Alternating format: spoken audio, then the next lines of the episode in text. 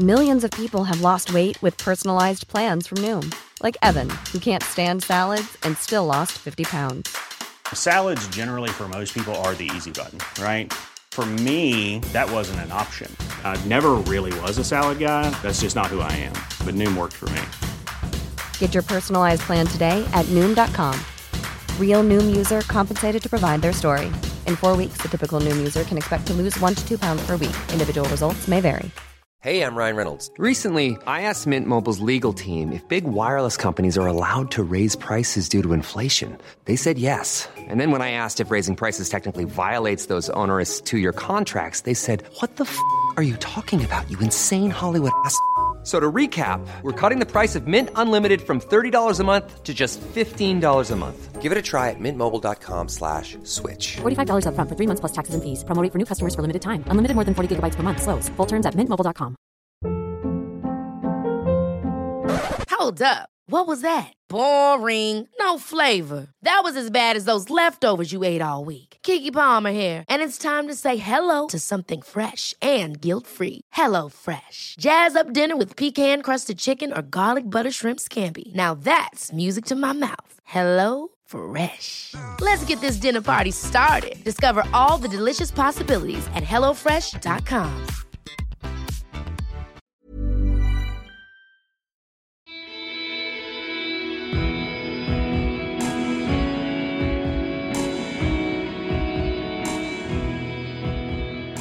Velkommen eh, tilbake til eh, del to av denne Tare påkast eh, og slutt. Eh, vi spilte inn del én på Deichmanske bibliotek. Brukte vår tilmålte tid. eh, spurte pent om å få være litt over tiden, eh, hvis ingen andre dukket opp. Men på Deichman var de streng, så det, det var ikke sjans. Derfor sitter vi nå eh, på et Zoom-møte, uh, Magnus Tore og meg, og, og tar en liten del to. Dette er ment å bare være en sånn liten uformell eh, kåring av litt fine prestasjoner i løpet av året. Og der må jeg innrømme at jeg har ikke så god oversikt som deg, Magnus Tore. Og du har kanskje ikke så god oversikt som andre offisielle podkaster. Men det det er, det er ting venner av oss, venner av podkasten, og venner av venner, eh, og mennesker vi kjenner, og Ja. noen som vi har sett på avstand, og så videre. Så dette er ikke ment å være noe sånn uh, veldig høytidelig. Det er ment å bare være en sånn uh, Dette syns vi har vært bra. klapp på skuldra, og så videre. Så hei, Magnus. Hei, du. Ja, jeg ser deg nå over Zoom. Det er deg også. Det er bra. Ehm, så ja, hva har du notert? Nei, jeg har notert meg litt av hvert, da. Og så må jeg bare si at det er um, I 2022 så har det jo vært mange fantastiske prestasjoner rundt om. Det har det. Ikke, ikke bare i ultraløp, men um, ja, i toppidretten generelt også.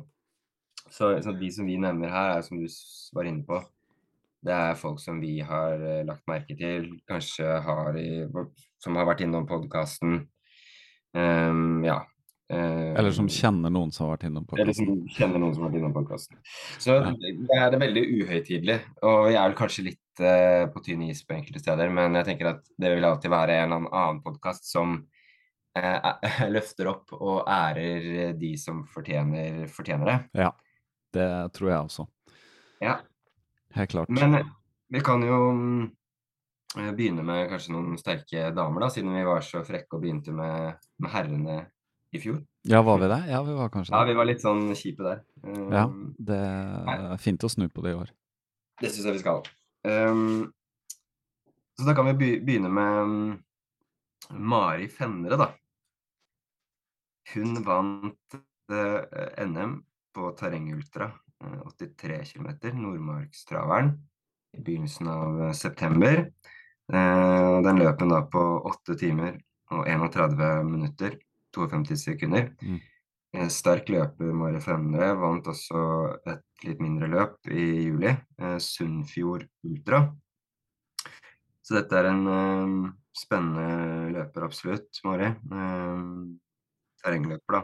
Så hun er på en måte litt i en annen kategori enn eh, det jeg befinner meg i, da, som er mer baneultra og um, asfaltultra. Ja.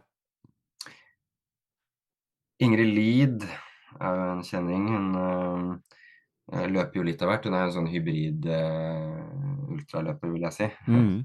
Hun gjør både baneløp, uh, selv om det gikk litt sånn skeis for henne på, på Bislett i år, så har hun hatt en veldig sterk sesong. ja, det virker sånn. Ja, hun starta med å vinne NM på 100 km. Mhm. I, i, var det i Bergen? Um, ja, det var det vel. Mm. Hun uh, vant da på tiden 8.10,37. Det er en sterk tid, altså. Veldig sterkt. Og så har hun også gjort forskjellige løp og vært på pallen rundt omkring. Hun var uh, blant annet kommet på andreplass på uh, en 100 miler i England. Thames Path.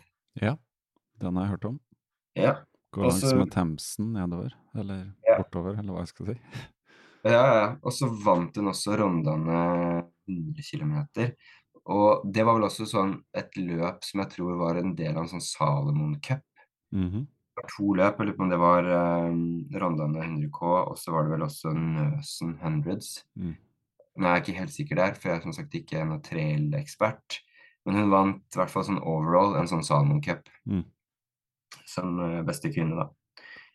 Um, så hun har hatt en knallsesong, Ingrid. Hun er absolutt en løper som er på vei opp og fram. Det blir spennende å følge med henne i 2023. Det blir det. Jeg håper også at hun ikke gir opp uh, 24-timersløpinga helt, da. Selv om hun hadde en litt sånn kjip uh, avslutning på sesongen sin med en uh, DNF på, på Bislett, men det var jo da pga. skade. Det var det. Jeg tror det var lurt av Ingrid å, å stå av der. Mm. Så har vi også Anette, da. Anette Welde Sande. Eh, har, vi har vært innom henne på podkasten tidligere også. Eh, hun er absolutt en, eh, en spennende løper. Eh, hun tok jo sølvet på 100 km etter Ingrid. Mm. Eh, På 8.20,55, så var jo ikke så langt bak Ingrid i og for seg. Eh, Men det som kanskje imponerer meg mest med Anette i år, er jo den, den 24-timers-prestasjonen hennes inne på Bislett. Mm. Hun løper da over 230 km, 232,7. eh, Og var da nest beste totalt sett etter Bjørn Tore Krohn Taranger. Mm. Uh, og det som er kult da òg, er at hun er kvalifisert for landslaget. Og skal da løpe VM i 24-timersløp i Taiwan neste år. Så Anette er en kjempespennende løper som jeg gleder meg til å, å følge med videre i eh, 2023. Ja. Jeg så jo Mm. henne løpe der, litt sånn vis-à-vis eh, Bjørn Tore. Ehm, den morgenen, siste timen på Bislett 24, når jeg var der og tok litt bilder og prata Ja, med. Bjørn Tore etterpå. Ja, Hun klarte det jeg ikke klarte, altså. Uh, hun klarte eh, det. Hun, hun hadde vel også en pers på sånn 215-ish Ja. fra før, så hun klarte det jeg ikke klarte. Det Så det er jeg imponert over. et bra sprang. Ja, veldig, Jeg kjenner henne ikke, jeg har bare sett uh, følge på Instagram, så får hun litt med. Hun virker veldig eh, fresh. Ja. Men, og når vi er inne på Bislett, så må vi også kanskje nevne da uh, Line Kaliskaner. Hun Ja. ble en tre på Bislett 24. Totalt. Totalt, nei, fire totalt sett. Ja. Hun løp tredjeplass i kvinneklassen. Ja. Um, hadde som mål å løpe inn kravet for å kvalifisere seg direkte til Spartatlon. Kvinnekravet der er på 213 km. Line klarte det med mm, 220,5 km. Kvalifiserte seg da for Spartatlon i 2023 og 2024 Wow. er jo da farlig nærme å klare landslagskravet, da, Mm. som er på 224 km. Mm. Eh, så ryktene skal ha det til at eh, Line skal til Barcelona og løper 24-timersløp i februar. Og det tror jeg er eh, ikke for å kvalifisere seg til Spartatlon, for det er jo Line, så hun skal nok prøve å kvalifisere seg til landslaget og kanskje VM på 24 timer i Taiwan. Det håper jeg til. Ja, det er dødskult. Og det må også nevnes, da, vi har jo sagt det en gang tidligere også, men hun løper jo eh, Spartatlon og ble åttende beste kvinne der. Eh, beste prestasjon av en norsk kvinne gjennom tidene på tiden 32, 22, 44. fantastisk løpt Line. Hadde hun gått ut litt eh, roligere der, så tror jeg kanskje hun hadde kommet enda høyere opp og fått en enda bedre tid. Kanskje.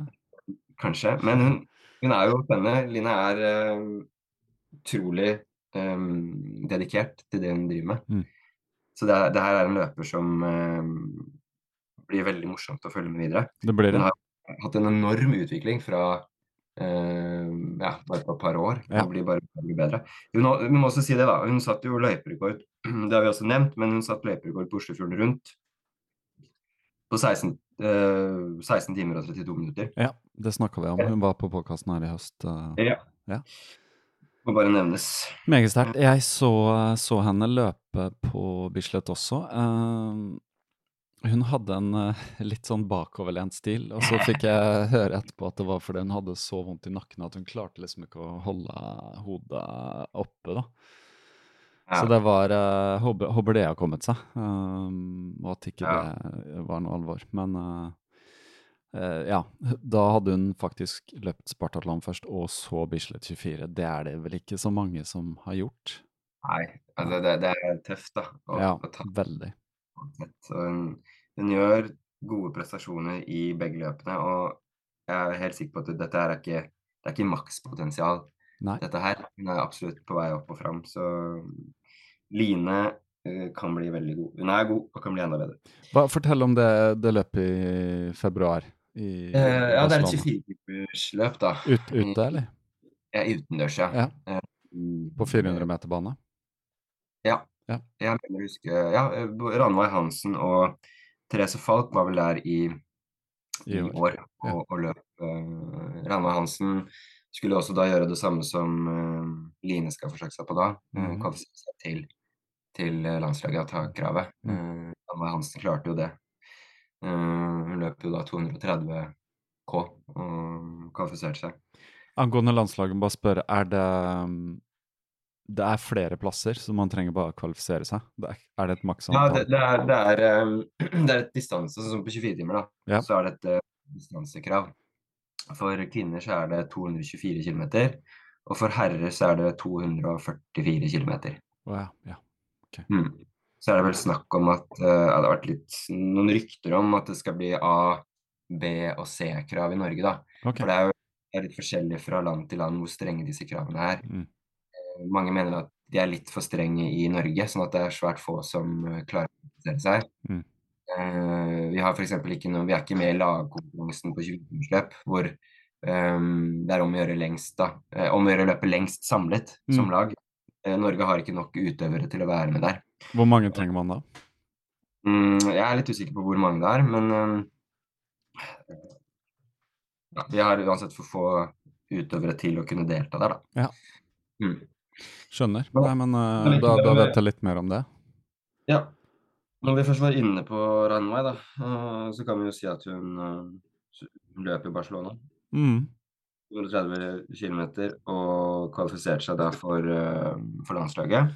For det jeg husker i fjor på Bislett, så var hun Det var da Therese løp den vanvittige Ja. 260 km. Ja. ja. Mm. Og så ble hun Ranveig nummer to. Mm. Og så drar hun til Barcelona og løper lenger. Mm. Hun løp Ja. 219,5 Mm. på slett 24 Mm. i november i fjor, og var da um, nærme landslagskravet da, på 224. Mm.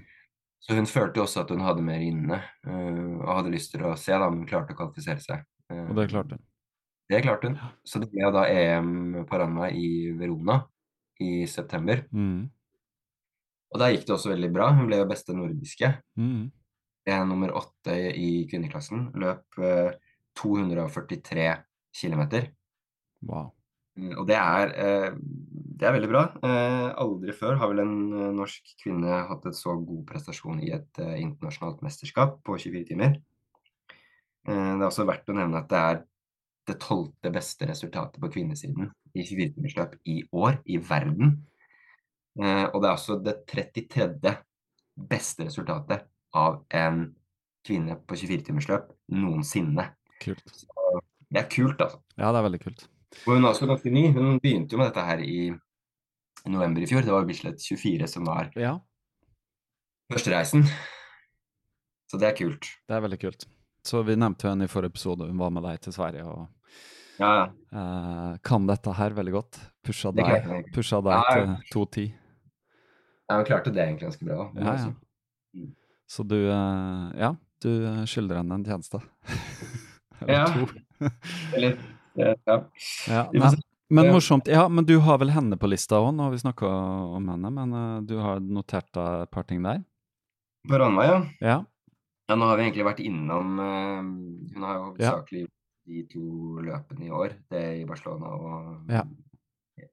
EM i Ja. Verona. For hun, hun har ikke løpt noen andre 100-milsløp, eller hun er ikke rundt og holder på med det? Nei, Nei. det er de to Ja. som hun har løpt i år. Og så har hun hatt et Jo, hun hadde et sånt prosjekt.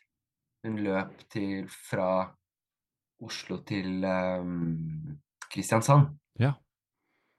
på tre dager. Og det er vel over 400 km eller noe sånt. Ja, okay.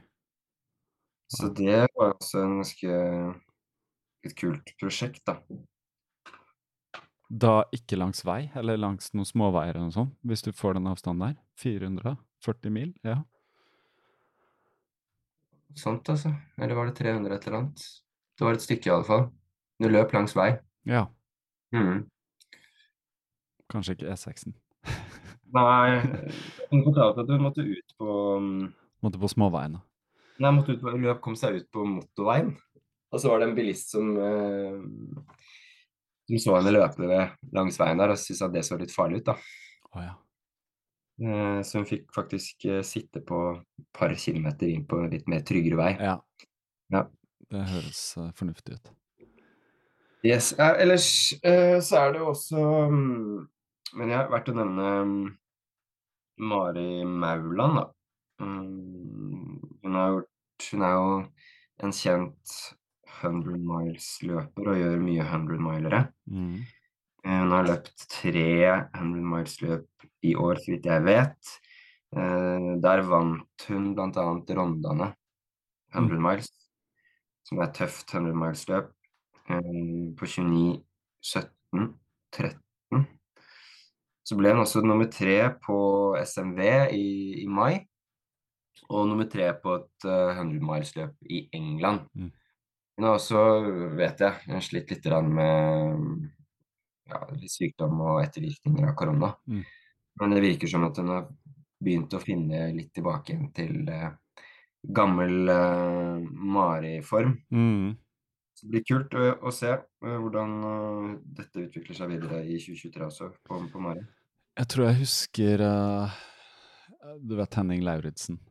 Mm. Kalte ikke han seg eh, Eller kanskje han kaller seg ennå, kanskje han tona litt med 100-milskongen?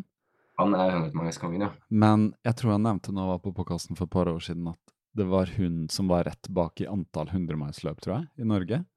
Ja, Så jeg tror hun, hun er det nå, altså. hun har passert han. Ja, jeg tror det. Hun må være Det kan- 100-milsdronningen, da. Hun er helt klart det. Ja, skulle tro det. Mm. Gøy. Ja, bra. Nå er det jo ingen uh, 100-milsløp lenger i Norge, så vidt jeg har forstått, som går fra et punkt A til B, sånn som Oslofjorden rundt.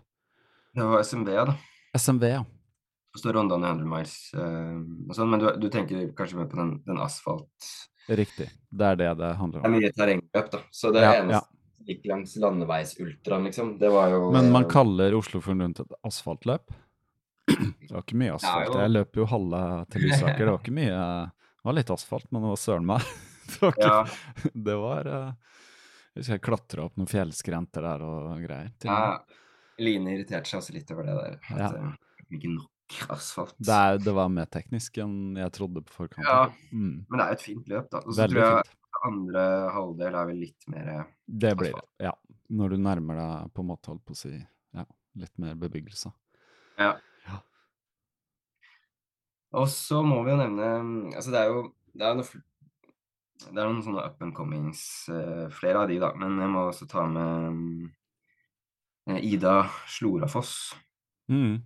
Hun har hørt om? Hun har hørt om jeg så henne på Bislett uh, Ja. i år. Ja. Fordi hun har jo også gjort en del Fin, fin, fin stil der på slutten. Ja. Ja. Veldig fin stil. Ja, ja, nei, da, man må se liksom hvem som har løpt mye, liksom, hvordan de Ja.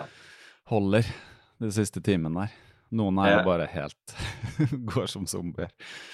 De som Ja, det er mye rare løpsstiler på slutten Ja, det skjønner jeg godt. Så lenge man kommer seg fram, så er det ikke så viktig. ja, ja. Stil. Jeg tror hun hadde ja, hun holdt en fin, fintriv, fint driv, hun. ja.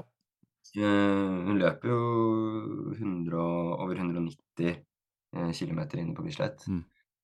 Eh, gjorde bra der, da. Så jeg tenker at Ida hun kan absolutt bli en god 24-timersløper. Men hun er også sånn som varierer mye og løper mye forskjellige typer ultraløp. Eh, hun vant jo f.eks. Bergen Ultra, Mm. 63 km. Begynnelsen av sesongen. Sø- 63?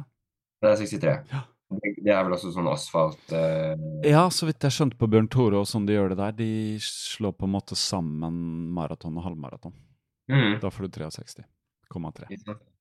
Ja. Og så er det vel en sånn rundløype de løper, tror jeg. Ja, de Ja. løper rundløype, og det jeg har hørt nå, uh, maila med Stig i Bergen. Han pleier å løpe de der, halvmaraton, maraton, og nå er det visst blitt en ny trasé pga. noen ny uh, gangsykkelsti. Så han sa det er en veldig, veldig fin løype, så han sa hvis du kommer over, så løp et maraton der, så kanskje jeg skal gjøre det. Kanskje vente høsten, da, siden jeg har et uh, her på våren. Eller halvmaraton, hvem vet? Kanskje jeg får skikkelig farta opp og kan ta min gamle pers på halvmaraton til og med. Tror jeg håper for det, eller? Jeg tror det hvert fall når du har den der Garmin-klokka. Ja, den pusher meg. Den pusher deg mer enn Bjørn Tore pusher meg? Den pusher meg, ja, ikke sant? Eller kanskje jeg skal også ringe Bjørn Tore og spørre om han kan supplere litt. Ja. Du får legge ut noen sånne triste stories på Instagram. Ja, er jeg sånn. får gjøre det. Vi får se hvordan det går utover våren. Jeg, eh, ja. Men uansett, eh, Ida eh, Ida. Ja, hun vant i hvert fall den eh, i Bergen, 63 km. Og så var hun også på Ringerike sekstimers. Hadde en litt sånn tøff eh, dag der, tror jeg. Mm. Um, men vant allikevel kvinneklassen der. Løp vel 66 km. Mm. Mm. Så det er imponerende. Eh, Du bare, med- litt, notis til Ringerike. For Ja. at jeg løp til et år, men da var det koronautsatt, så da løp vi det vel på sensommeren det, var, det var i august. den gang. Men Ja. når går det løpet egentlig? Det går i august, men grunnen til at uh, jeg tror Stig Andy satte opp Ringerike sekstimers i juni i år, var fordi at du hadde um, Eidsvoll Verk sekstimers uh, Å, i august. Ja, nettopp. De to ville ha krasja blitt litt tette, da. Ja. Ja. Skjønner. Er det satt Mm. opp et neste år? Nei, det var bare sånn engangsgreie, fordi Ja. Eidsvoll Verk sekstimers var et av de, sånn, de første sånn timesbaserte ultraene i Norge. Mhm. Det var rett og slett en sånn derre um, ja, tribute, da. Ja. Så det var Men det hadde, nei, jeg bare tenkte det hadde vært gøy å prøve seg på et sekstimers igjen, eh, for min del òg. Siden jeg har løpt det før. og har vært gøy. Jeg kom på 57, nå, så det har vært gøy å prøve seg over du må melde deg på Kaptare, da, vet du. Sekstimers. Ja, det skal vi snakke om, men jeg kan jo ikke det, siden jeg skal arrangere det sammen med deg. men jeg kan jo prøveløpe banen, da. På, I forkant. Vi kan ha ikke forkant. Vi kan det, vi kan det. Men eh, det krasjer jo med Ja, vi skal komme tilbake til det. Vi tar det mot slutten, eh, Magnus. Det må vi. Men jeg- bare sånn avslutte med Ida her, da, fordi hun har også hatt flere Hun har vært med på veldig mye. Hun vant jo også Røyse Ultra, som Mm. går i april. Som er en sånn du løper hytteplanmila, eh, som er ti kilometer, åtte Ja. ganger, Den vant hun også. Åtte ganger eh, hver et døgn. fjerde time? Tredje time? Ja. Hver tredje time. Ja, så det blir 24 timers. På sett og vis så blir det jo det. da. Du holder på et døgn og løper den åtte ganger. Ja. Og så har hun også flere sånn Vært innom pallen både på Romeriksåsen på langs og um, Oslo-tripperen. Mm. Så hun er, som, som jeg er inne på, hun løper variert. eh, er også med på ikke bare ultra, men eh, maratonløp og 10 km og diverse. Så Ida er også en kjempespennende løper. Gøy. Hvor gammel er hun? Eh, hun er eh, 88, vel, så Ja. hun er 34, da. Ja. Mm. Bra. En annen løper som eh, har vært eh, vekke fra ultramaniasjen en stund, er jo Rita Nordsveen. Jeg vet ikke om du har hørt om henne? Navnet har jeg hørt. Ja. Hun har også vært med faktisk eh, i Spartatlon i sin tid. Mm -hmm. Eyolf fortalte det at hun, hun gikk jo ut der og løp eh, kjempehardt. Leda vel, var første eh, Altså var helt i tet Ja. i Korint. Men gikk ut litt for hardt og måtte bryte, da. Oi. Men hun eh, eh, har vel også hatt norgesrekord på om hun ikke har den fortsatt, på 100 km. Mhm. Eh, Det er jeg litt usikker på, men jeg tror faktisk hun har den. Eh, Hun eh, har ikke løpt ultra siden 2018, men har dukket opp i et par løp i Norge i år. Og var da med på det løpet jeg nevnte, Eidsvoll Verk sekstimers. Mhm. Um, og løp 76 km her, som er beste norske kvinne på et sekstimersløp i år.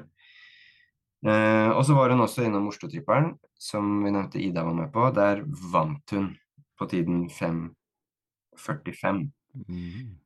Det er kult. Det blir spennende å se om hun fortsetter Da tror jeg jeg så henne hilse på Simen når jeg var der nede. Ja. Jeg snek meg inn bak der skjønner du, og var inne i det teltet, trippelteltet. Mm. Du vet de har sånn eget eh, område de henger i?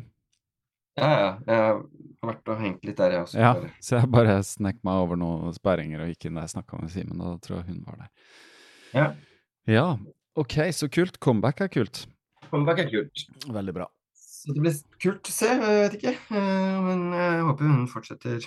Hun, jeg vet at hun også har vært med på noen sånne ultraløp eh, som Ringerike seks timers og sånn etter 2018, men jeg tror bare hun har løpt maraton og Ja. ikke fulgt hele Ja. eh, løpet, da. Så hun har jo vært aktiv, men ikke aktiv innen ultra. Nei, ikke sant. Ehm, ja, nei, det, det har vært um, det har vært disse kvinnene, da. Jeg kan vel også nevne at um, jeg syns det er litt kult med Jeanette Vika. Eh, fordi hun har jo ja, slitt litt med vært koronasyk tre ganger, tror jeg. Mm. Og hatt en litt sånn seig sesong. Mm. Skulle også være med på den FKT-en til Simen, men måtte bare droppe ut fordi at hun fikk covid gang nummer to rett før. Eh, men, men hun gjorde liksom litt sånn comeback eh, nå i, ehm, i november, da, inne på Bislett. Og løp eh, nesten 190 km der inne. Jeg så henne også. Ja, Mm. og, og klarte da å løpe inn kravet for å være med i loddtrekning på Spartatlon. Mm. Så da, er, da lever håpet om, eh, om Spartatlon-deltakelse i 2023 for Jeanette. Ja, for hun vil delta igjen. Ja, ja, ja. Ja. Først bitt av basillen, vet du, Marius. Ja, jeg skjønte det. Da er du smitta. Ja, da er, det- ja. da er livet ødelagt. Ja, ja, ja. Da handler alt om det. Alt handler om det, da. Ja, ja. Og apropos eh, Sparta. eh, hun skal faktisk reise ned til Hellas i februar. Ja. var januar. Og prøve å løpe inn uh, direktekravet der. Ok, Så hun er påmeldt et 24-timersløp i Sparta. kult. Da løper man en sløyfe i, i Sparta og ja, er innom den statuen en del ganger, da. Mm, Det kan hende at man blir litt lei av å løpe oppover mot den statuen etter hvert. det kan være. Eller er, kan, kan det være at de gir inspirasjon til å komme tilbake. Den det er kanskje de første timene. Jeg, vet, Ja. Hvis jeg hadde vært der på time 18, så tror jeg jeg har vært litt lei av Ja, å se det- ja. Altså, jeg, har, jeg har liksom ikke lyst til å åpne eller ødelegge den, eh, det oppløpet. Nei. Eh, det blir Nei, det sånn er litt spesielt at det er samme Er det relatert i det hele tatt til Spartatlon? Eller? Ja, ja, jeg tror det, for det er et slags som er ment uh, Det var det er kvalifisering. Ja. Man rekker, rekker på en måte å Mm. kunne kvalifisere seg, da. Eller kvalifisere seg for å være med i loddtrekning. Men da er det rett og slett Så det februar, det er samtidig med at Eller ca. samtidig med at det er et uh, Det er Barcelona Ja, Ja. eh, det, jeg tror at den i, i Sparta er i januar. Jeg er ikke helt sikker, men det er i januar eller februar. Ja. Nå skal hun ned dit og, og løpe. Mm. Mm. Ja, men bra. Heia Jeanette. Vi håper at hun uh, kommer tilbake. Ja. Også vært på podkasten før korona slo ut. Helt tilbake i 2019, tenker jeg. Mm. Gøy. Ja, det var egentlig de eh, damene som jeg eh, Mm. Og så er det selvfølgelig plenty med andre Ja, ja. eh, som holder på. Der følger ikke du og jeg så godt med. Det er i mye av disse trail-løpene rundt om i verden. Det er, det er mange damer der òg, så om de hører på, så bare ha oss unnskyldt. Um, jeg har jo sett litt på Jeg har titta litt på um, de resultatene fra eh, verdensmesterskapet i Thailand, det som het World Mountain and Trail Running Championship, eh, Mm. som vel var utsatt fra 2021. Der, eh, der var det noen damer som gjorde det bra, eh, så vidt jeg kunne se. Eh, blant annet eh, Skal vi se her Sylvia Norskar. Hun har du kanskje mm. hørt om? Ja. Ja. Eh, så, så det er en del Det er en del Det er mye, mye flinke damer som også løper trail. eh, også, selvfølgelig. Det er det, helt klart. Og det er også mange gode herrer som løper trail. Det er det. Mm.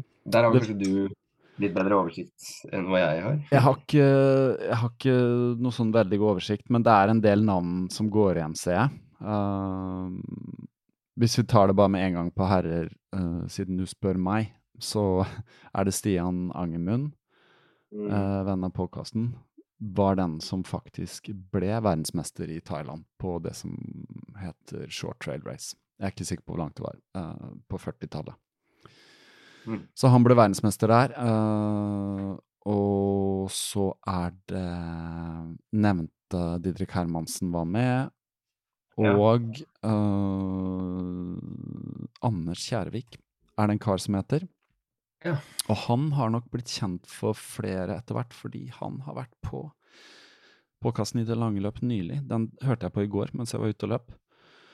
Det var en sånn lang, lang episode. Jeg pleier ikke å høre på lange løp, men det var en lang, uh, lang episode. Jeg vet ikke, Du pleier å høre på den jevnlig, men den var godt over to timer. Men de, de har Jeg hadde ikke fulgt med, men så gikk jeg inn på NRK radioappen, fordi tydelig at de slipper episoder der, og så tar det litt tid før det kommer i podkast-appen. Og det er sikkert en strategi fra NRK at de vil at skal gå inn der og sånn. Uh, men da var det blitt litt sånn løpe- og langrennspodkast. Stemmer. De har liksom forandra litt på logoen sin også. Jeg så det. Så det var liksom med staver, så det kan være litt sånn både trail-løp med staver og ski. Ja, jeg skjønner det. Det er vel NRK som styrer litt uh, sjappa der, men det var gøy å høre på igjen. Det er jo han uh, Christian Ulriksen. Uh, har jo kjempepeiling. Han satt jo der og snakka om ikke sant? Han har jo full oversikt hva som skjer, da. Men da var det jo selvfølgelig litt i de gateløpsegmentene og sånn, og så Ja, ikke sant. Og da var det jo reportasje De har jo, ikke sant, det er NRK, så de hadde en mann der nede eh, i EM i terrengløp som intervjua alle de norske, og der vant jo eh, Jakob Ingebrigtsen. eh, ble europamester. Og hun Karoline eh, Hva heter hun? Ja. Karoline Bjerkeli. Karo, som han kalte henne. Han Ulriksen. Ja, og Karo, hun Ikke sant? Så han er sånn, han er på fornavn med de, og klengenavn og alt. eh. Og så var det en del juniorskjulebra. det bra. Det var en eh, junior eh, jente som jeg ikke husker navnet på, men nummer to. Mm. Så det er sånne ting, så jeg, jeg følger med på disse tingene med liksom ett øye, da. Ja. Men jeg har ikke kapasitet til å sitte og, og researche masse. Eh, men jeg tror det er en podkast som gjør det. En, uh, en kar som heter Hans Christian Smeserød, som uh, lager en uh, podkast som jeg tror er antagelig Norges beste på Mm. trail-segmentet også. Fordi han har jo kanonoversikt, og når vi snakker om han, så Jeg var jo inne og titta også på hvordan gikk det i UTMB og Ja. CCC. Um, og der var Smedsrød. Han løp CCC, faktisk. Uh, det gjorde han. Uh, og der var også nevnte Kjærevik, Anders. Mm. Han løp CCC. Også han nordmannen som gjorde det best, og en som heter Tobias Dahl Fenre. Stemmer det. Som vi har hørt litt om. Ja, Han vant vel den 50 km på Ecotrail òg. det gjorde han. Pluss at han og Didrik Hermansen løp et sånn uh, uh, trail-løp i NIS, Ja, som de ble nummer én og to. stemmer. Tobias Dahl Fenner ble nummer, én, og så Ja. ble vel de nummer to der. Så der har du også en mann i verdensklasse. Uh, litt tilbake til han Anders Kjærevik. Det var litt morsomt å høre det intervjuet med han. Jeg hadde hørt om han fra før, og jeg så at han var også på Bislett og supporta Bjørn Tore. Ja. Eh, så han var bortpå der. Jeg filma han litt, eller filma Bjørn Tore litt etterpå. Han var borte og gratulerte og sånn. Så, men det var morsomt å høre i intervju, for at han kom jo fra en bakgrunn hvor han ikke løp fram til han var liksom eh, Så vidt jeg skjønte, 30 år eller noe sånt. Mm. Så han er også en sånn som har begynt seint, og så har han eh, gått all in, som han sier, da. Eh, og gjør dette mer eller mindre på heltid. Uh, så ser han på Instagram, han har liksom, det snakka de om på, i det lange løp, han har bygd sin egen høydetank. Jeg så på Instagram han har bygd et møllehjul som er Altså en, en tredemølle som er et sånn uh, møllehjul. Du vet, sånn hamstermølle. En sånn kjempestor en. Det, bare, det ser helt fantastisk ut. Så mannen har bakgrunn som uh, tømrer, så vidt jeg forsto. Så dette har han bygd selv, da. Uh, det var noen sånn generator, kan drive strøm og greier, så det er helt fantastisk. Så det virka som han, han, har en gård um, der ute i Bergen, på, utenfor Bergen et eller annet sted. Uh, men er, så vidt jeg skjønner, en av de beste i verden på nedoverløping. En av de raskeste uh, på alle sånne løp. Han har vært med i The Golden Trail og sånt, så han er helt fryktløs at du bare kaster seg utfor. Så det snakka han litt om. Så ja, det, det skjer absolutt ting rundt om. nordmenn, i forhold til hvor mange vi er, så, så virker det som vi gjør det ganske bra sånn i veldig mange løp. Så jeg vet ikke om dette er en tendens, jeg. Uh, eller hva? Uh, det er typisk norsk uh, å være god. Ja, det er jo typisk norsk å være god. Vi er jo et land altså sånn tradisjonelt har vi ikke sant, idrett, Alle har drevet med idrett her veldig mye, men så har vi drevet mye med vinteridretter siden mm. Siden det er det vi Vi har jo mye vinter i Norge, men nå, nå liksom løpinga er liksom blitt kjempestort, da. Ja. og det, ha, det, er jo, ikke sant, løpinga er liksom Du ser jo rundt om også hva har skjedd med UTMB, og det der det er, det er blitt gigantisk, ikke sant. Ja. Amerikanerne drar jo over til Europa for liksom ta europeerne i UTMB, og ennå har de ikke klart det. Såpass har jeg fått med det er han Jim Wamsley og, og noen andre. Mm. Um, så det, det, ses vel nesten på som et sånn uoffisiell verdensmesterskap, uh, kanskje, ja, ut, ut i NB. Det er liksom noe av det tøffeste. Det er helt klart. Så vidt jeg uh, får med meg. Så ja, hvem vet, kanskje jeg skal En gang, Magnus. En gang. Uh, jeg ser det at uh, Det var litt morsomt. Jeg satt og så på de resultatene fra CCC i år, og så bare bladde jeg, og så ser jeg en kar som dukker opp mm. uh, blant nordmenn som har løpt CCC. Jan Espen Simonsen. Mm. Han har jeg møtt i Danmark. Han er en venn av min venn Stig Rasmussen. så han har fullført CCC. Han er på min alder, så plutselig begynner jeg å tenke sånn Kanskje jeg også skal Men CCC er det er litt kortere. Er det, det er, Hva sa du? 101 km, er det ikke det? 100 km står det her. Uh, ja. Rundt 100 km, men allikevel, det er jo 6000, 6000 høydemeter, altså. Åh, jeg må aldri la melde meg på sånt løp. Nei, altså, jeg liker jo det der, jeg. Ja. Opp og ned og sånt, så Ja. Det er bare det å få den treninga, da. Så inntil vi flytter herfra, liksom uh, Grünerløkka, så, så blir det mye asfalt på meg òg. Ja. Men jeg ser jo på meg selv litt som sånn også litt hybrid, selvfølgelig. Jeg liker å løpe alt. Du, ja, vi løp jo denne Romeriksen. Jeg gjorde det. Jeg gjorde det. Jeg har løpt Ecotrail mange ganger og Lillemarka rundt. Og... Du har den derre trail Så du har liksom den derre trail-kompetansen. Ja. jeg. Jeg har nok større ja. talent der enn på asfalt, for å si det sånn. Ja. Men uh, nok om det. Uh, vi snakka om andre. Du har uh, uansett noen karer på blokka di, har du ikke det? Jo, jo, det har jeg. Og vi var jo innom trail. og vi kan, Jeg har en løper som jeg må nevne. Det er Tom, Tom Erik Halvorsen. Ja. Uh, han vant bl.a. Sandnes uh, ultratrail på 50 miles-distansen. Ja. Uh, og Sandnes ultratrail er jo tøft løp, ass. han vant den på 10.27. så det, det, det er knallsterk tid. Ja. Um, han var også med på den derre uh, Rondane 100 miles som vi snakket om i stad, som Mari Mauland vant pinneklassen på. Uh, Mari Mauland løp da på 29 timer. Uh, her løp Tom Erik på tiden 1916. Så han brukte ti timer mindre da, enn uh, Mari. Wow. Det er, det er, en ekstremt god tid, fordi London 100 miles, det er knalltøff 100 miler, ass. Ja. Oi, oi. Ja aldri kommer til å være med på, for å si det sånn. Det er, eh, det er et skikkelig terreng. Det er eh, steinur og ja, myr og mose og, og diverse. Eh, så å løpe den på 1916, det er ekstremt bra. Veldig. Han ble også nummer 8, nei da, 38 tror jeg han ble på, på trail-VM, som var nå i november. Ja, long trail. Han, det stemmer. Så veldig imponerende, altså. Veldig. Ellers, eh, på herresiden jeg, jeg må også ta med en løper som imponerer meg veldig, da. Eh, og det er jo han Sebastian Konrad Haakonsen. Mhm. Eh, fordi han satte jo faktisk ny norsk rekord på 100 km i begynnelsen av eh, april. Da vant han jo NM på tiden 6.33,55. Og, og det var da også ny norsk rekord. Eh, men det som er spesielt, er at han da under VM, eh, bare noen måneder senere, VM i 100 km, løper han enda raskere. Da løper han på tiden 6.19,01 Wow. nummer eh, Jeg tror han ble nummer fire, så han, han er jo nærme pallen også i et VM. Mm. Kilometer.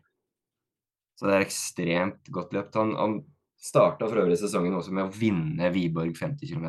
Ja. Eh, han løp på 2,55 eller noe sånt der. Oi, oi.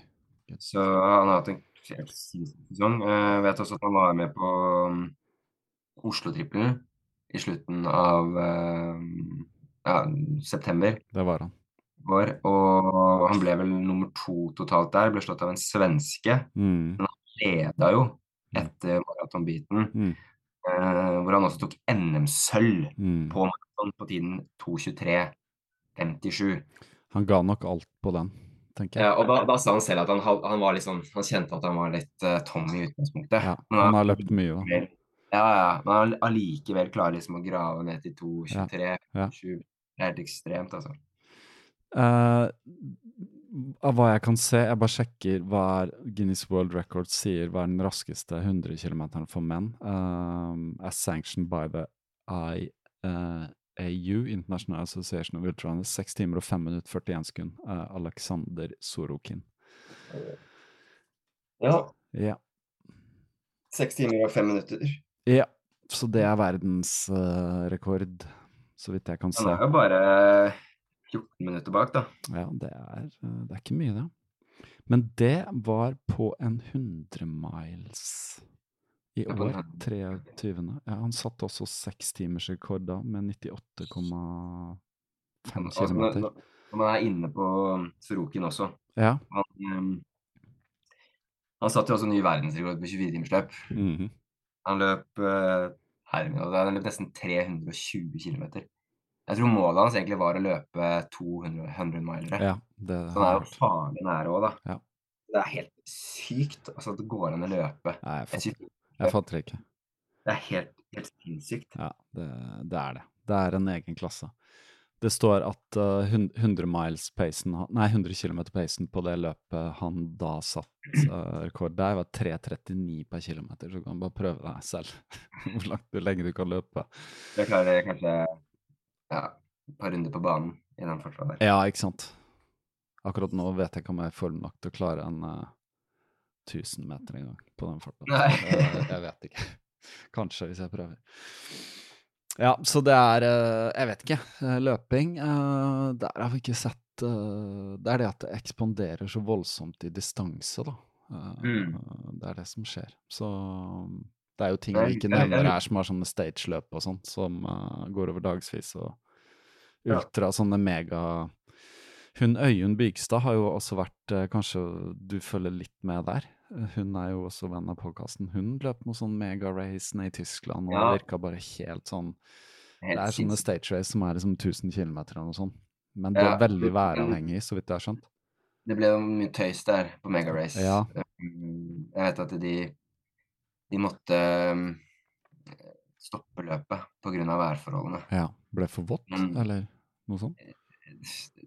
Ifø- Ifølge Øyen så var det ikke så ille. da. Det var, det var regn og det var torden. Mm. og ting, Men de mistenker at det kan ha vært noe med at det har vært en del koronasykdom blant funksjonærene. da. Så de ikke Ah. hadde folk til liksom å okay. holde løpet oppe. Ja. Eh, Så de, de stoppa det ganske tidlig, så de fikk vel bare løpt en ja, Bare, da. De fikk vel bare løpt en 300-400 km. Ja. Og det skjønner jeg er sinnssykt kjedelig for Øyunn og de som var med der, fordi det blir sånn Når du har trent for noe i flere år, Mm. så er du med, og så går det greit. Eh, du er veldig Altså Øyunn er jo en sånn fighter som hun skal jo i mål uansett. Så Mm. hun hadde sikkert fullført også. Uh, og det å da stå der og så få en sånn der sånn tafatt uh, 100 miles-medalje, da. Mm. For et løp som du på en måte har investert så mye tid i, Mm. i trening og i penger og ja, borte fra familien. Mm. Så skal de avbryte bare pga. litt regn. Det blir for dumt, da. Ja. Men ok, det har sikkert sine grunner. Mm, det har vel det. Ja. Men i forhold til sånn stage-løping og sånn, så har vi også eh, folk som driver og finner på egne sånne stage-løp. eh, og vi har vært innom det flere ganger. Simen Holvik har jo også vært på Ja. podkast og snakka om det. Sin FKT i Hellas. 660 km på under seks dager. Mm. Eh, han har jo prata ja, Han var vel her og prata om løpet i forkant, tror han ikke det? Eller var han her og prata om det etter også? Uh, ja, jeg snakka med han i forkant over Zoom. Uh, mm. Det gjorde jeg. Og så var han på podkasten i etterkant, og da snakka vi litt om det. Eh, og så har han skrevet en del om det, som jeg nevnte i går. Ja, det er- det er- eh, siste episode. nevne iallfall, for det, Ja. det er jo helt Det er også litt sånn egen klasse, da. Men Det det, det, altså. har også, det er også liksom Jeg føler at det liksom Det også transcenderer litt det å løpe, da. eh, Som han er opptatt av. Det er liksom sånn Ja, det er eh, Ja, det, det er liksom litt sånn hinsides. eh, Det er liksom mer sånn som menneske, hva kan du liksom få til, da? Eh, så ja, nei, det, det er virkelig helt spesielt. Men det inspirerer jo litt, da. Til å bare prøve seg på sine egne sånne ting. mm. Jeg gikk og tenkte på sånn, kunne jeg Ikke sant, jeg er fra Fredrikstad, og så har jeg en søster som bor der, så jeg har gått og tenkt på sånn i et par år, liksom. Kunne jeg kommet meg til dit på eh, liksom til fots, da? Mm. Og det kan jeg jo, for at jeg har jo løpt fra Moss til Lysaker. Så hvis jeg hadde snudd bare herfra og sånn ned, så er det ikke så veldig mye lenger. Og nå kan jeg liksom ruta. Er det i Moss, så er det ikke langt til Fredrikstad. Så er det sånn Ja. Så etter hvert som jeg blir eldre og, og, og treigere, men seigere, så kan man finne på sånne ting, føler jeg. Det, det er det som er litt gøy. Ja, ikke sant. Så Ja. Simen er jo ekspert på å finne på sånne ting. Han er det. Han hadde jo den der eh, Norge på langs også. Det vet jeg han skriver bok om nå. Ja, han gjør det. Kult å det har vi jo snakka om. Ja. Nei, det, Ja. ja. ja, eh, Han var jo også med på Spartatlon, kan du nevne det? Uh, Er han kvalifisert til neste år? Uh, han er ikke direkte kvalifisert, så Nei. han skal til Espo han, i Finland uh, i februar. Slutten av februar. Sammen med Arif, og de skal løpe 24-timersløp der. Ja.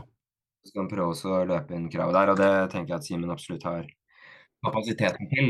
Mm. Men han, det jeg ser han fokuserer på, er et sånn ultraløp i Brasil. Ja, Men, og det er jo den derre han, han skal prøve å uh, klare å kvalifisere seg for å løpe Badwater, Mm.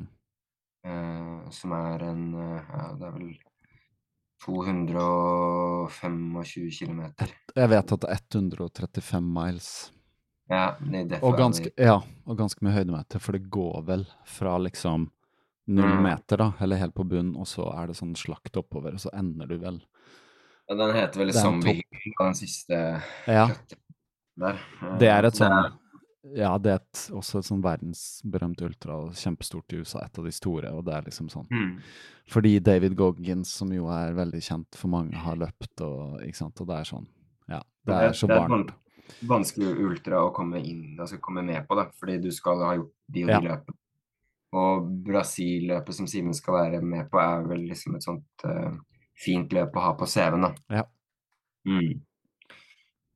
Det blir gøy å følge med på. Det er liksom det, ja, det skjer ting på vinteren. Ja, ja, det, det er ikke så lenge igjen heller. Nei, nei. Eh, Simen har vet at han har fått en runde til med covid, da. Ja, jeg så det. det. 30 eller 14, Vi var vel inne på det. Ja, så Vi får bare håpe at Simen blir frisk og, og rask og kommer seg um, i gang med trening, sånn at han er klar til Brasil i januar. Ja, det tror jeg nok. Ja. Nei um, Og det er andre ting um, vi, vi har, Bjørn Tore var jo på podkasten din Nylig. Mm. nylig, ja, eh, og løp jo kjempegodt der. Han snakka litt om det. En ny pers på 260 km. Mm. Man kan også ta med at han også tok bronse på NM i 100 km i begynnelsen av året. Mm. Og 7,30 der. Da var det bare Jo Inge Norum og Sebastian som var foran. Mm. Um, Bjørn Tore var også og løp uh, EM i Verona sammen med Ranveig Hansen. uh, Therese Falk og Jo Inge. Der løp han uh, nesten 250 km og ble nummer 27 totalt. Eh, så det er også en veldig bra prestasjon av Bjørn Tore der. Han er jo som en sånn uh, Ja, han er safe da når han er med på 24-timersløp. Han løper stort sett mellom ja, 245-250 km. Mm. Nå har han brutt 260-grensa òg, så da Ja. er det noe som skjer, kanskje. Mentalt. Spennende å se da, om det blir om han tar tilbake norgesrekorden. Ja. Uh, og så kan man også nevne at han var med på et 100 miles-løp i Belfast, eh, faktisk. Eh, og løp det på 13.37,43. Rett bak sin norgesrekord. Ja. Så jeg vil si at Bjørn Tore også har hatt en ganske bra sesong, da. Ja. Eh, Helt var jo også innom Jo Inge Norum. Um, uh, han ble som sagt da Han tok andreplass på NM. Uh, men han har slitt en del med skade og sånn denne sesongen, så det har Ja. ødelagt de mesterskapene han har vært med i. Han var også tatt ut både på til VM i 100 km og EM i 24-timers. Mm. Han var jo med på begge, men eh, dessverre så måtte han stå av Ja. i begge pga. skade. Så han sto an nå, Bislett òg. Jeg vet ikke om han skulle Um, han var ikke med på Bislett, Nei. men han, eh, han starta EM i 24-timers og brøt vel etter sånn 50-60 km. Mm. han brøt vel også ganske tidlig på 100 km Mm. EM. Mm. Jeg håper eh, Jo Inge blir skadefri, fordi han er en eh, Det er kult liksom å ha noen gode 24-timersløpere, eh, og jeg tror altså når vi har flere i, i toppen der, så er det liksom med på liksom å pushe grensene litt. Mm. Ikke bare blir Bjørn Tore alene på toppen, men Mm. at det er løpere som f.eks. Jo Inge Norum, som kan være med å pushe, da. Mm. Kryss fingra for han. Det syns jeg vi skal. Uh, og så er det også en del andre sånne prestasjoner som jeg syns er litt kule i år. Uh, ble ganske imponert over uh, Jon Asphjell. Mm. Han har også vært på podkasten og har jo sin egen podkast, uh, Runstreak-podden, Ja. Sammen med Tone sammen med Tone. Eh, Gillengren, er det det heter? Ja. Ja, det stemmer. Mm. Jeg syns det var utrolig kult at han ble nummer fire, var det vel, på Backyard Masters. Mm. Sånn I Tyskland. Ja. Backyard-VM. Mm. Er ikke det der? Jo. Han løp over 400 km. Nesten 416. Hvor mange timer endte han på? 50-60 år nå? 60-tallet? noe. Det er helt sykt at det går an å holde på så lenge, tenker jeg. Ja, det er helt vilt. Så Han han, er den som har løpt lengst da, av Mm, nordmenn. jeg tror ikke det er noen bedre på backyard enn Nei. Jon. Nei. Nei. Han arrangerer også sitt eget backyard um, på Mm. Ekeberg. Så han posta nå, det er i februar. Det er det. Så da er det bare å sjekke ut det um, der oppe. Det kan være krevende forhold det er i februar på Ekeberg. Men sånn som det ser ut her ute nå, så, så det er kommet mye snø faktisk hittil i år i Oslo. Det har det. Men nå er det litt sånn eh, um, ja, varmegrader og Ja, nå er det varmegrader, det kommer regn i ettermiddag, og så skal det fryse på igjen. Så da, ja. Det var meldt 16 minus eller noe sånt på julaften. ja, kanskje ned, ned hos deg. Ja, her ute på landet. Ja. Tror ikke det var så kaldt her.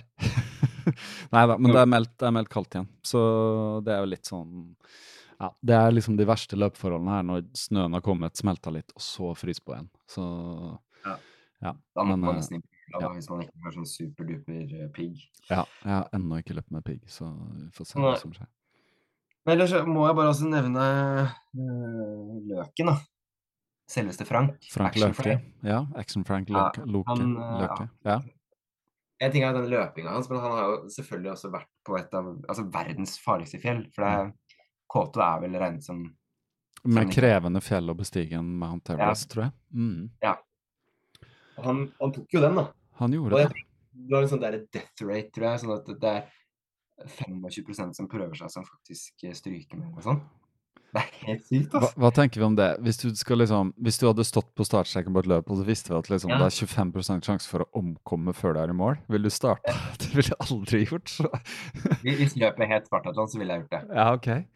Er du sikker? Faktisk. Ja, jeg er helt sikker. Helt Hvis du hadde liksom Ja, nei, det spørs hvordan Det spørs vel hvordan man uh, kanskje hadde omkommet. Da. Nei, det, det er helt vilt. Eh, Jeg, jeg skjønner ikke helt den fjellklatringa, men uh, det er noen som gjør det. Han har jo sånne prosjekter, og jeg tror han Ja. skal gjøre et eller annet han skal gå eh, Sydpolen eller et eller annet sånt, og, Ja, han gir seg prøve å gjøre det raskere enn uh, Amundsen eller noe sånt. Oi, ok. Så han, eh, Ja. han, han er kul. Men han, er, han løper jo en del, og, og han kan vel regnes som en 24-timersløper, da. Ja.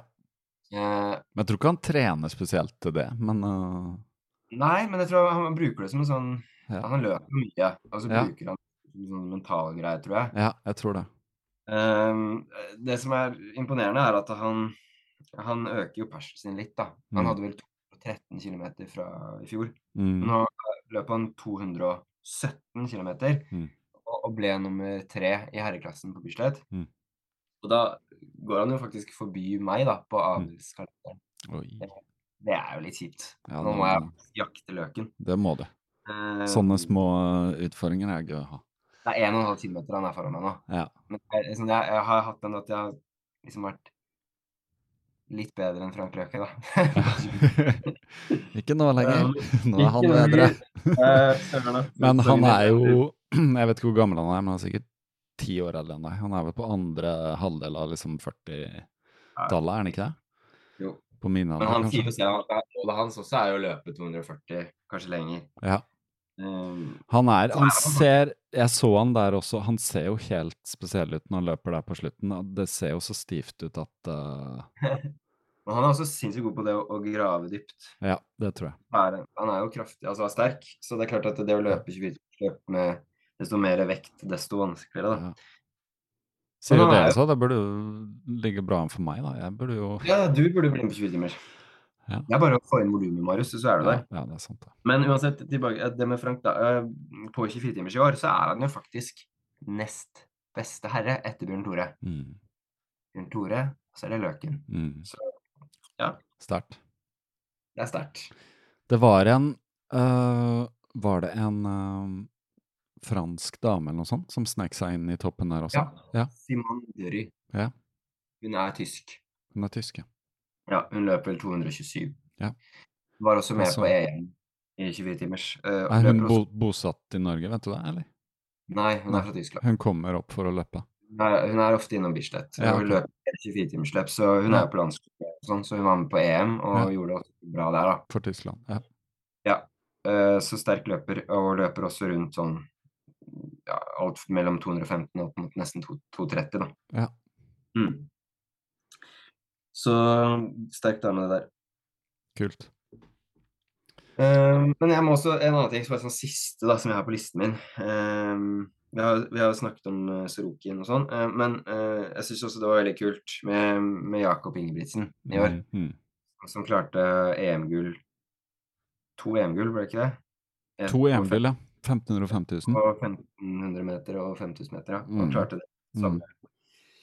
Samme, um, europamesterskap i Tyskland. Uh, München. Det syns jeg var utrolig kult og moro å få med seg. Mm. Mm. Det er et eller annet rart med ikke sant? Vi snakker om ultraløp og lange løp og sånn, men å, å, å sette seg ned og se på TV 1500 meter og 5000 og sånn Det er sånn at da får jeg for høy puls og kjenner at det pumper ut adrenalin i kroppen og sånn. Det er utrolig spennende, syns jeg. Å se på Ja, sånne ting. ja. Det, det går liksom Det er litt som også straffesparkkonkurranse, sånn som fotball-VM-finalen. Jeg må innrømme at jeg så jo Ja, jeg så fra ekstraomgangen og utover. Ja. Og da var det også sånn at når jeg straffekonk, så bare kjenner jeg at kroppen bare Jeg vet ikke hvorfor den reagerer sånn, men det er så jævlig spennende. Sånne korte ting, sånne intense ting. Ja. Men du, skal vi rappe opp her, eller? Vi, har, eh, vi tikker mot en time. Dette var jo bare ment å være en liksom, bonus eh, del to av eh, årsavslutning. Vi Men vi må jo nevne Ja. Tomtmers, da. Ja! Kan ikke du snakke litt om det? Jo, jeg kan gjøre det. Uh, den 15. april i uh, 2023, altså neste år, så arrangerer uh, jeg, Marius og nevnte Magnus Toru her eh, seks- og tolvtimersløp på Sofienmyr stadion eh, rett sør for Oslo her. Påmelding er åpen. Um, det koster henholdsvis eh, 590 og 690, siste sist jeg sjekka. Jeg skal legge en link til påmelding i podkastnotatene, som dere kan gå. Men når det er sagt, så vil det bli en eh, spesialpris for Patrions eh, fra og med dere hører dette opptaket. Så fra og med eh, nyttårsaften eh, eller lille nyttårsdag, så kan dere logge inn på Patreon og få en spesialpris på både 6 og 12 timers. Stemmer ikke det, Magnus? Ja, det stemmer. Ja. Så via Patreon-siden, så de som blir nye Patrons da, skal jeg legge ut en eh, link med en rabattkode. Så sa jeg at det kosta hen henholdsvis 590 og 690 for 6 og 12 timers. Ja. Det tok jeg bare fra minnet, men det stemmer, ikke sant? Det stemmer. Ja. Så Og litt sånn bakgrunn for det var jo at eh, jeg har hatt noen sånne uformelle kaptaremesterskap, og en gang var det segment på Strava, og en annen gang var det et sånn uh, rippelløp, og så drev jeg planla på det her i år. Jeg hadde lyst til å lage et slags sånn ultraløp som var litt sånn modell etter backyard, hvor løp en runde og litt sånn. Så ble det litt sånn Jeg sjekka, da trengte jeg et hus å være i. Det ble litt sånn, ja, det ble både tidkrevende og kostbart. Så du har snakka mye om tolv timer. Det mangler i Norge. Det er Mm. ingen offisielle tolvtimersløp på bane i Norge. Ingen. Nei. Er- Men nå det det- fins det et, og det har vi kalt Kaptare tolvtimers. Mm. Vi har posta litt sånn på Instagram og sånn. Det er noen påmeldte. Hvor mange har vi plass til? Vi har plass til um, 150 totalt, så 100 løpere på, på 12 timer, og så har jeg satt av 50 på, på 6 timer. Ja. Det klarer den banen der, da. Men Ja. um, vi må altså, Det er viktig å si at vi bør helst ha 40 påmeldinger totalt for at det skal bli løp også, da. For dette Mm. handler om kostnader å gjøre. Racetracker, ting vi må leie og ha for å tracke løperne. Uh, men vi, du har gjort en uh, skikkelig god jobb der. Uh, du er primus motor for dette løpet. Du har jo en del erfaring fra sånne ting, ikke som arrangør, men du har vært på en del sånne ting. Jeg syns det er dritgøy uh, å henge med og lære. Uh, og det er ikke noe sånn, det er ikke voldsomt kompleks, for vi holder jo oss på en bane, så liksom all logistikken er jo ett sted og sånn. Så alt er full kontroll, og vi kommer til å stille med sånn sportsdrikke fra Fuel of Norway. Uh, men det blir jo litt som på Bislett. Man kan jo ha support der og, og så videre og så. Og det går utendørs på en veldig fin tid av året. 15. Mm. april. Det burde være god temperatur uh, på den tiden. Tror det skal være perfekte. Jeg forhold. tror det skal være perfekt. Og det starter uh, lørdag 15. april klokken 10, Mm. og ender da uh, samme kveld klokken 10.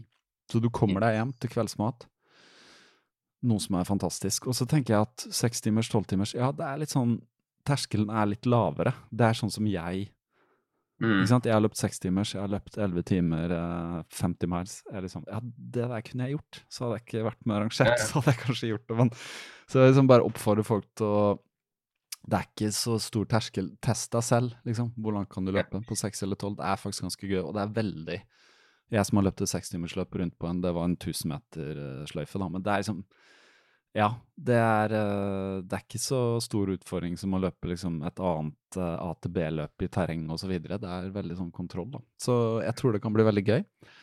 Så Så har har vi, også lagt inn Ja. maraton, maratonsplitt. vi har lagt inn maratonsplitt, så der kan du. Ja. Så er det også seks timers splitt og tolv timers. Ja. Så, og hva litt med dette har du greie på, sånn eh, Hvis vi skulle få noen sånn rekorder og norgesrekorder og sånn, er det Ja. offisielt? Eh, vi, nei, fordi vi, vi er jo ikke vi er jo ikke en um, friidrettsklubb som er tilknyttet uh, Norges, Norges friidrettsforbund. Slik at hvis man setter en tolv timers eh, rekord på Sofiemyr, så blir den ikke offisiell. Men det blir jo da en uh, bestenotering. Ja. Så kondis, det kommer jo i kondisstatistikk, og det kommer på DUV. og Ja. man, Hvis man er opptatt av å, å få det der um, merket til ultraløpsfatet, da, at du løper tre ultraløp i løpet av året, så får du et sånt årsmerke. Ja. Det løpet her vil telle som en del av uh, den utmerkelsen. Nettopp. Ja. Så ja, så selv om det ikke er um, du får et offisiell rekord, så er det allikevel mye å hente på Sofiemyr stadion i april. Så det er altså 400 meter bane. Uh, superflatt. Uh, ja. Kan bytte Ja, er- sko, du kan spise, du kan gå på do, du kan uh, Ja. Jepp. Vi får låne da garderobe, garderobene til uh, Kolbotn Ja. fotballklubb. Ja. Også mulighet for å ta seg en dusj, varme seg litt hvis man syns det blir litt kjølig ute. Mm. Så det, det blir bra. Uh, vi får også leie den uh, spikerbua til Mm. Kolbotn, eh, sånn at uh, vi også kan eh, kjøre på med litt musikk. Vi kan ha litt eh, live eh, eh, Coverage. Ja. Så det blir altså moro. Det blir en veldig gøy Det blir en veldig gøy greie. Det blir en gøy erfaring. Og som sagt, det er eh, nært Oslo. Det er Mm. Sofiemyr stadion. Um, Det er bare toget til uh, Myhrvold stasjon, eller Ja. så går 81-bussen uh, opp til Fløysbånd fra byen. Uh, Ja. tar 20-25 minutter. Ja. Så går man til Fløysbånd, er rett ved Sofiemyr stadion. Med Ja. null stress i bobledress. Kan også ta med oss det at uh, du nevnte jo Fuel of Norway. Ja. Uh, kommer også til å samarbeide med podkasten uh, og Kaptare 12-timers. Uh, alle patrons kan også få rabatt på bestilling av Fuel of Norway. Uh, så Gels og alt mulig. ja, du legger ut en egen rabattkode på Patreon, så Ja. får man uh, tror jeg 15% rabatt da, på alle Fuel of Norway-produkter. Det er bra. Det er kjent som en Eh, veld, veldig god gels, og ja, det er mange Ja. som sverger til det. Så det er veldig bra, veldig bra deal for podkasten. Veldig bra deal for dere som lytter, og særlig dere som har patrons, selvfølgelig. Ja. Jeg er helt sikker på at det er um, ja, den beste næringen som er på markedet, i hvert fall for meg. da. Uh, Jeg har prøvd litt forskjellig, så Ja. er det Fuel som er desidert best for min del. Ja. Eh, En annen um, samarbeidspartner som jeg tenker også vi kan nevne, det kommer det også litt mer informasjon på senere, men det er Xtep Nordic, uh, som er uh, sko. Karbonsko. Um, de kommer også til å stille med premier Mm. på tolvtimers, i hvert fall. kult. Um, om det blir til eh, første, andre, tredje eller bare førsteplassen, det vet vi ikke ennå. Vi har ikke alle detaljer på plass. Men de er med å, å støtte og sponse eh, det løpet. Ja. Um, Det vil også bli noen rabatter på sko for patrons. patrions. Eh, men vi kommer tilbake igjen til det litt siden når vi har avklart litt mer Ja. detaljer. Men uansett, X-Step Nordic er, eller Xstep, som som er skoen, da, er Mm. en type karbonsko som kan minne litt om Nike Vaporfly. -hmm. Du har løpt på Eh, begge. Ja, jeg har løpt på begge. Jeg vil si altså det, det Altså, Xtep er en Kanskje altså, de, de har flere modeller, da. Den jeg løpte i, er litt mer robust uh, enn uh, Nike Vaporfly. Ikke like myk, men Mm. det er en veldig res responsiv karbonsko Mm. som går an å løpe fort i. Uh, så det er absolutt verdt å sjekke ut, det, altså. Kult. Mm. Jeg ser fram til å teste. Jeg har aldri løpt på karbonsko. Ja. Så uh, gøy.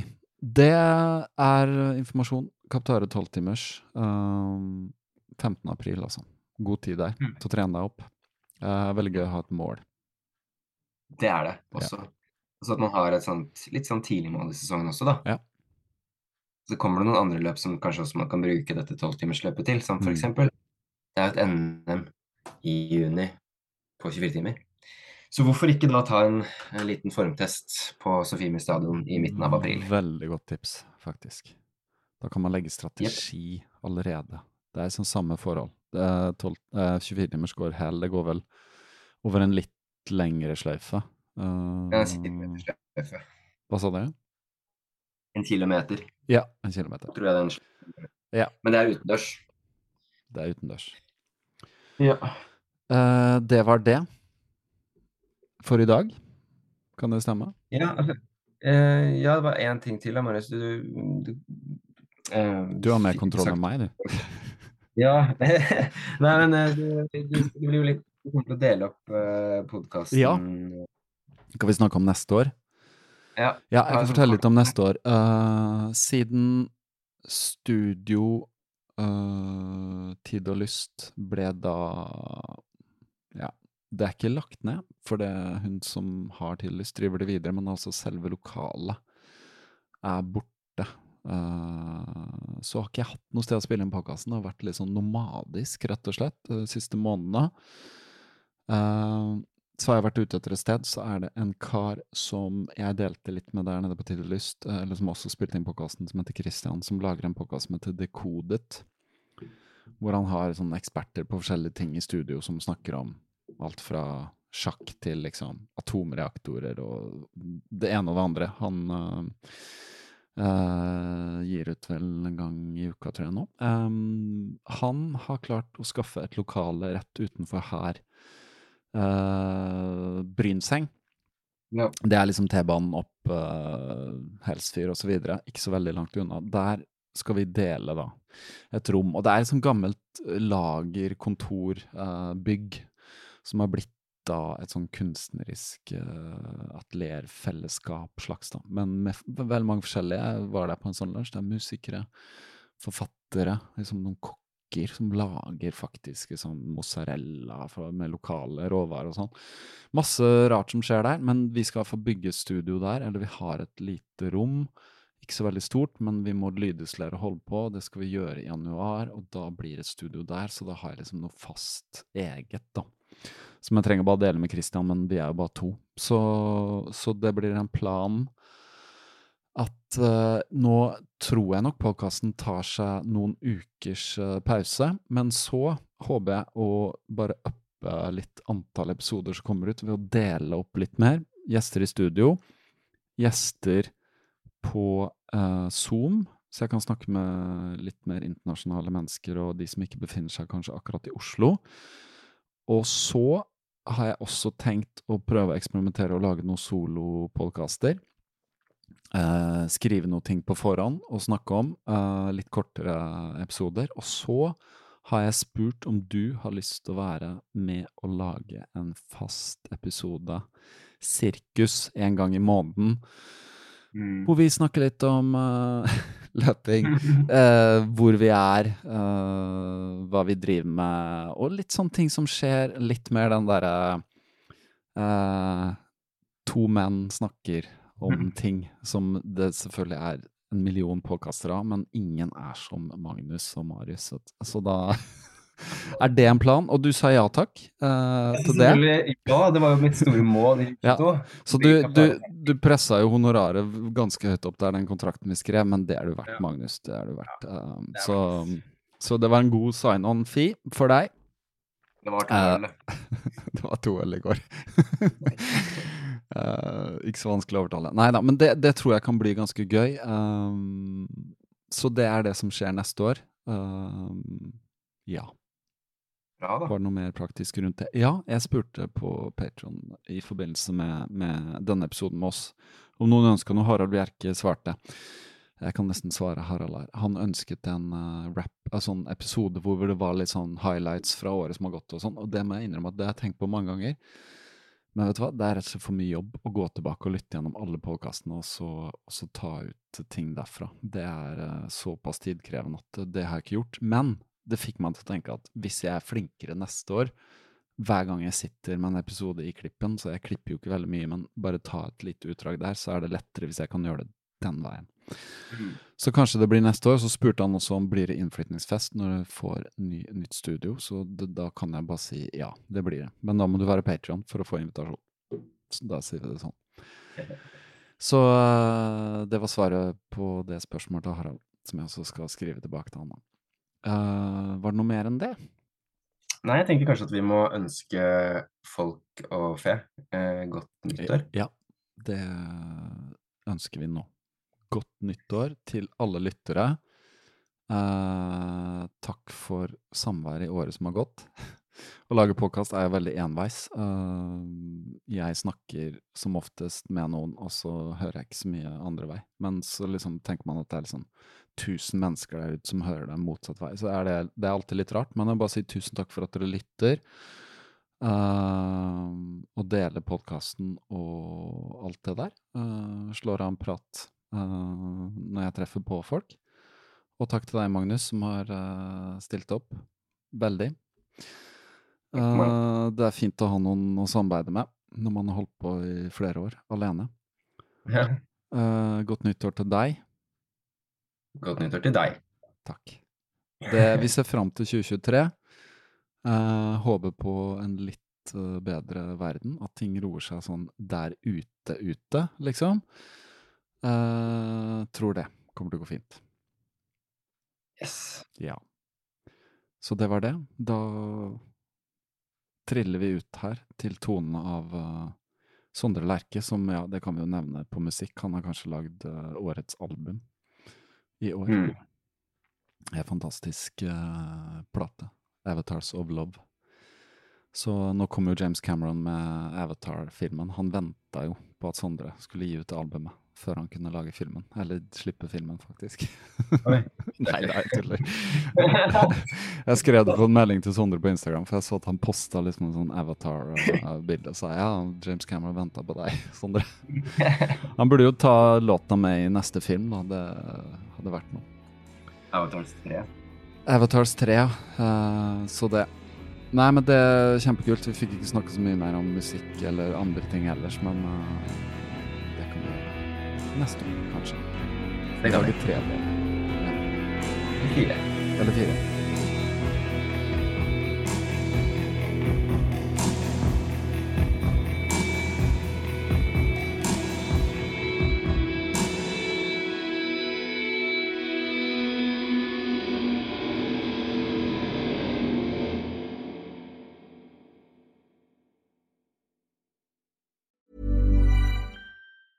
Planning for your next trip?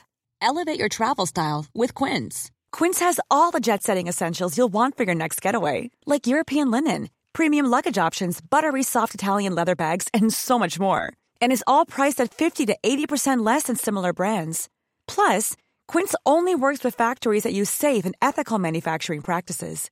Pack your bags with high-quality essentials you'll be wearing for vacations to come with Quince. Go to quince.com slash pack for free shipping and 365-day returns. Mom deserves the best, and there's no better place to shop for Mother's Day than Whole Foods Market. They're your destination for unbeatable savings, from premium gifts to show-stopping flowers and irresistible desserts. Start by saving 33% with Prime on all body care and candles. Then get a 15-stem bunch of tulips for just $9.99 each with Prime. Round out Mom's menu with festive rosé, irresistible berry chantilly cake, and more special treats. Come celebrate Mother's Day at Whole Foods Market. Planning for your next trip?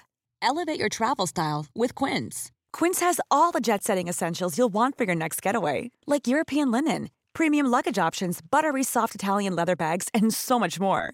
And is all priced at 50 to 80% less than similar brands. Plus, Quince only works with factories that use safe and ethical manufacturing practices. Pack your bags with high-quality essentials you'll be wearing for vacations to come with Quince. Go to quince.com slash pack for free shipping and 365-day returns.